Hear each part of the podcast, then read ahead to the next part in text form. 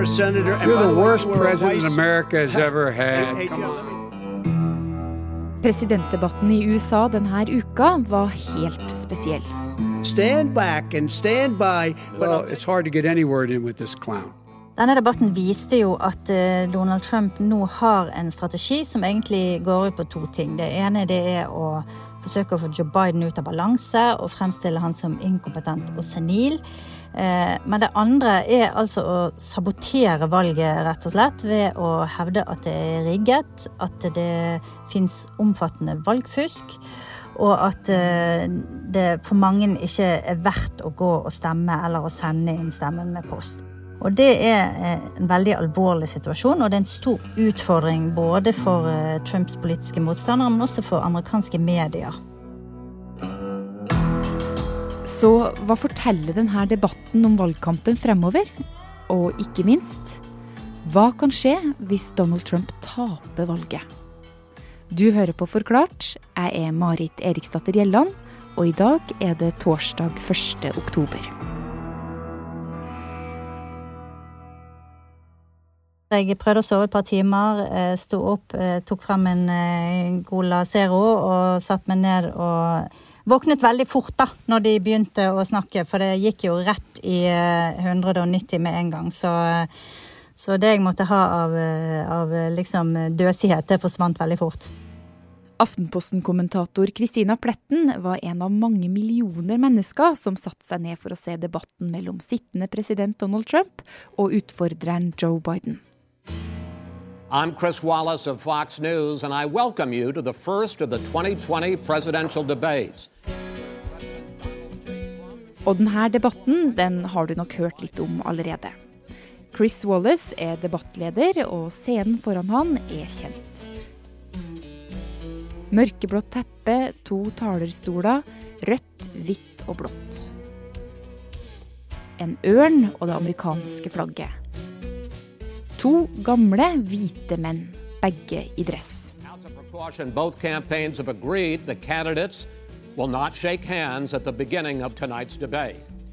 Demokrat Joe Biden med et svart-hvitt stripete slips. Republikaner Donald Trump med rødt-blått stripete slips. Alle var enige om reglene. Seks tema, to minutter taletid hver, og så debatt. Men det ble jo veldig, veldig fort eh, bare kaos.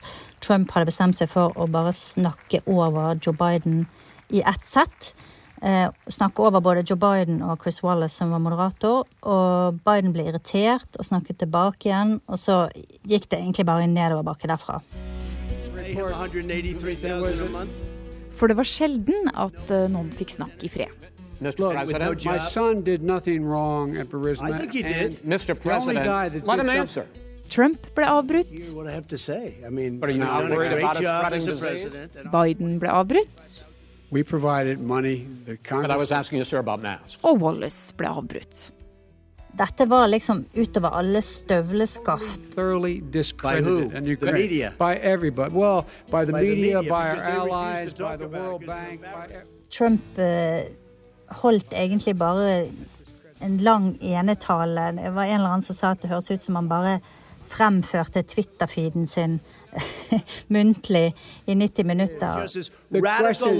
Will you Who shut up, man? Listen, who is on your list, Joe? This Who's is on your so- right. Gentlemen, I think this we've is ended so this. He's gonna pack unprecedented. the Altså, dette er jo noe vi har hørt nå i fem-seks år fra Trump. Han har jo brukt uh, stygge oppnavn på sine motstandere. They should have- 47 years you've done nothing. They understood. All right. Det som kanskje var enda litt mer deprimerende i denne sammenhengen, var jo at Joe Biden til dels i hvert fall lot seg uh, rive med eller irritere, nok til at han blant annet kalte Trump for en klovn. You get the, here's the fi- wait a minute. You get the final word, Mr. Well, it's hard to get any word in with this clown. Excuse me. This. Hey, hey, let Og me eh, det tror jeg egentlig bare Biden har alt å, å tape på, selv om kanskje eh, noen av Bidens tilhengere vil synes at det er morsomt eller, eh, eller på sin plass, da. Så er jo de som Biden trenger å nå frem til, og som han må overbevise om at han er en, en verdig kandidat og et motstykke til Trump, tror jeg ikke nødvendigvis vi synes at det var så veldig eh, ok. Debatt handler likevel ikke bare om å overbevise nye grupper om at du er riktig person å stemme på. Det handler òg om å gjøre kjernevelgerne dine fornøyd, og mot slutten av debatten mellom Trump og Biden så skjedde noe du kanskje har fått med deg. And as we've seen in Portland. Sure, I'm willing to to do that, but do it? Well, I would ahead, say. I would say almost everything I see is from the left wing, not from the right. Trump ble bedt om å fordømme høyreekstreme. Altså, Trump har jo blitt spurt nå ganske mange ganger eh, om å ta avstand fra høyreekstremisme og ta avstand fra eh, rasisme. Det ble han spurt om igjen i debatten, og igjen så klarte ikke han å svare entydig på det. Han ble presset flere ganger av Wallace, og til slutt så sa han noe sånn som Proud Boys. Proud Boys, stand back and stand by, but I'll tell you what. Det ble av mange oppfattet som en hundefløyte, altså et såkalt skjult budskap, der han egentlig sa til denne gruppen, som jo regnes som en sånn nyfascistisk eh, oppviglergruppe som ofte er ute i gatene og prøver å, å, å instigere vold, politisk vold, at det var en slags budskap til de om at eh, de skulle være beretta. Og de var jo ute ganske kjapt på sosiale medier og tok dette som et slags kompliment. Så det var nok et eksempel på det mange ser på som en slags sånn tale med to tunger fra Trumps side, der han eh, på, på den ene siden later som om han i hvert fall tar litt avstand, men samtidig kommer med et slags sånn skjult budskap, da.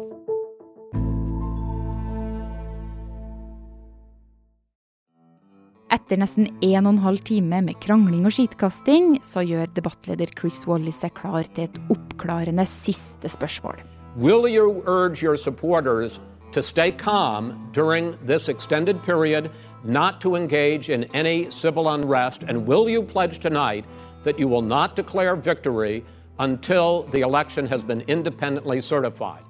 Wallace prøvde helt på slutten av debatten å sette eh, kandidatene på plass og få de on the record til å si at de forplikter seg til en fredelig overføring av makten, og til å akseptere at det kan ta tid før resultatet ble klart. Og han ba de også om å, for, om å forsikre om at de, de ville be tilhengerne sine om å holde seg rolig. President Trump, you I'm go urging my supporters to go into the polls and watch very carefully because that's what has to happen. I am urging them to do it. Eh, Da nektet Trump å forplikte seg til at han ville vente på resultatet, og at han ville be sine tilhengere om å holde seg rolig. Det i seg sjøl er eh, hårreisende, og jeg tenker at det sier mye om hvor landet er nå, hvor Trump er, og hva vi har å vente kanskje i uken etter 3. november. Så etter 93 debatt, minutter så var debatten slutt. Kristina, kan du bare beskrive følelsen du satt igjen med da? Eh, jeg syns det var trist, rett og slett. Eh, jeg var ganske kokt i hodet fordi at jeg skulle prøve å ta notater fra noe som var helt umulig å notere og, og sortere i, fordi at de snakket i munnen på hverandre hele tiden. Og samtidig så satt jeg med en uh, veldig sånn distinkt følelse av at uh, at jeg har vært vitne til noe som var et sånn lavmål i amerikansk politikk, i hvert fall sikkert i de siste 50 årene. Eh, Jeg syns det var uverdig, og det var Jeg syns amerikanerne Jeg kjenner mange amerikanere, jeg har bodd mange år i det landet. Jeg syns de hadde fortjent noe bedre enn dette her, rett og slett. Debatten i regi av den konservative nyhetskanalen Fox News var den første av i alt tre TV-debatter mellom Biden og Trump. Og om én måned er det valg. Spørsmålet en del har stilt seg etter å ha sett debatten, er rett og slett hva nå? Det var ikke lenge etter denne debatten var slutt før eh, det, diskusjonen begynte på sosiale medier om de burde bare kansellere de to neste debattene. Begge, begge kandidatene har jo sagt at eh, det, det kommer ikke på tale, at de vil fortsatt stille opp. Men jeg tror at det vil bli ganske mye diskusjoner i amerikanske medier om at de må finne en annen måte å gripe dette fatt. At de må finne en annen måte å styre samtalen på. jeg ser mange har foreslått at når den ene taler, så skal den andre ha mutet mikrofonen sin. Det er kanskje én måte å gjøre det på. Og så tror jeg at amerikanske medier og Joe Biden må rett og slett finne en måte å ta til motmæle når Trump kommer med løgner om valget, om valgfusk, om måten valget skal eh, arrangeres på, som rett og slett er skadelig og farlig for demokratiet i USA. Der må, eh, der må mediene og Biden og demokratene eh, finne gode måter å faktasjekke den på. Og sette den på plass på og, og formidle til velgerne at dette faktisk fortsatt er et system som fungerer. Her i Norge så har jo mediene vært ganske hard mot Trump eh, etter denne debatten. Men amerikanere, da går, går Trump hjem hos dem, eller hvordan, hvordan blir debatten tatt imot der? Altså Mitt inntrykk eh, Nå er jo det først og fremst gjennom amerikanske TV-kanaler og sosiale medier og sånn, men mitt inntrykk er at eh, reaksjonen i USA var mye av det samme som eh, det vi har sett eh, presentert i norske medier. Altså at det var en slags eh, frustrasjon og nærmest depresjon over at dette her eh, spant sånn ut av kontroll. Så mitt bestemte inntrykk er at det var veldig få som syntes at dette var en, eh, en, noen god og nyttig forestilling. Mens kjernevelgerne hans, da? Kjernevelgerne hans har vært eh, litt stille. Jeg ser at en del Fox News-profiler har vært ute og prøvd å kritisere noe av det Biden har sagt, og de har prøvd å eh, trekke frem kanskje ting som de syns har vært positivt eh, med Trumps sin, eh, sin, oppførsel. Men selv der har nok mange strevd med å finne en måte å fremstille det Trump viste her som, som, noe positivt. Til og med som noe positivt for han i den forstand at det vil gi han flere velgere. Mm. Altså, Kristina, det her er den første av tre planlagte presidentdebatter. Altså, hvordan eh, påvirker denne første debatten resten av valgkampen? Det gjenstår jo litt å se. Eh, vi snakket om dette med Proud Boys og høyreekstremisme. Vi har sett tidligere at eh, når Trump har begynt å lefle med disse type eh, ekstremistiske krefter, så har det hatt en viss påvirkning på oppslutningen hans. Så det kan være noe som han eh, konfronteres med og vil slite litt med i ukene fremover. Eh, og så tror jo jeg det at selve dette temaet med hvordan valget skal foregå, og hans gjentatte sabotasje av valgordningen, eh, også vil bli et stort tema, og det vil bli noe som eh, andre republikanere vil streve med, fordi de er nødt til å gå ut og irettesette Trump og forsikre velgerne om at dette er trygt. Ja, Hva sier denne debatten om, eh, om hvor USA står nå? Ja, si det. Um, de står på et punkt i sin historie som er ganske kritisk dette er et viktig valg. Eh, det er på mange måter et veiskille. Og jeg syns at det som Trump har vist nå de siste ukene, spesielt med sine ganske sånn åpenbare angrep på demokratiet, det er veldig foruroligende. Eh, og så gjenstår det jo å se etter 3. november hvor ille det egentlig blir. Eh, ingen vet hva som kommer til å skje. Men eh, det er veldig veldig kritiske uker og måneder for eh, det amerikanske samfunnet nå. Du frykter rett og slett at det ikke blir en, en fredelig hvis, hvis, han skulle tape, da? At det ikke blir noe fredelig maktovertagelse, eller Er det det du tenker på?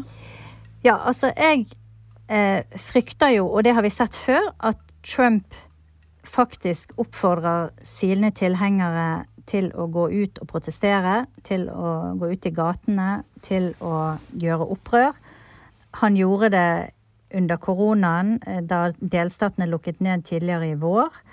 Og han har, har, gjort det nå. Han har sagt at velgerne må gå inn i stemmelokalene og, og, og drive med sine egne liksom, spontane valgobservasjoner.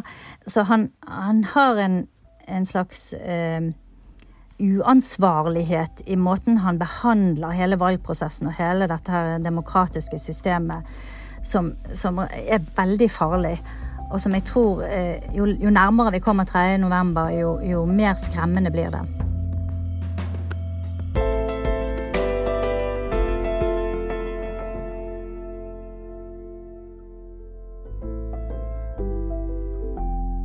Forklart lages av Caroline Fossland, Fride Næss Nonstad, Anne Lindholm, Andreas Bakkefoss og meg, Marit Eriksdatter Gjelland.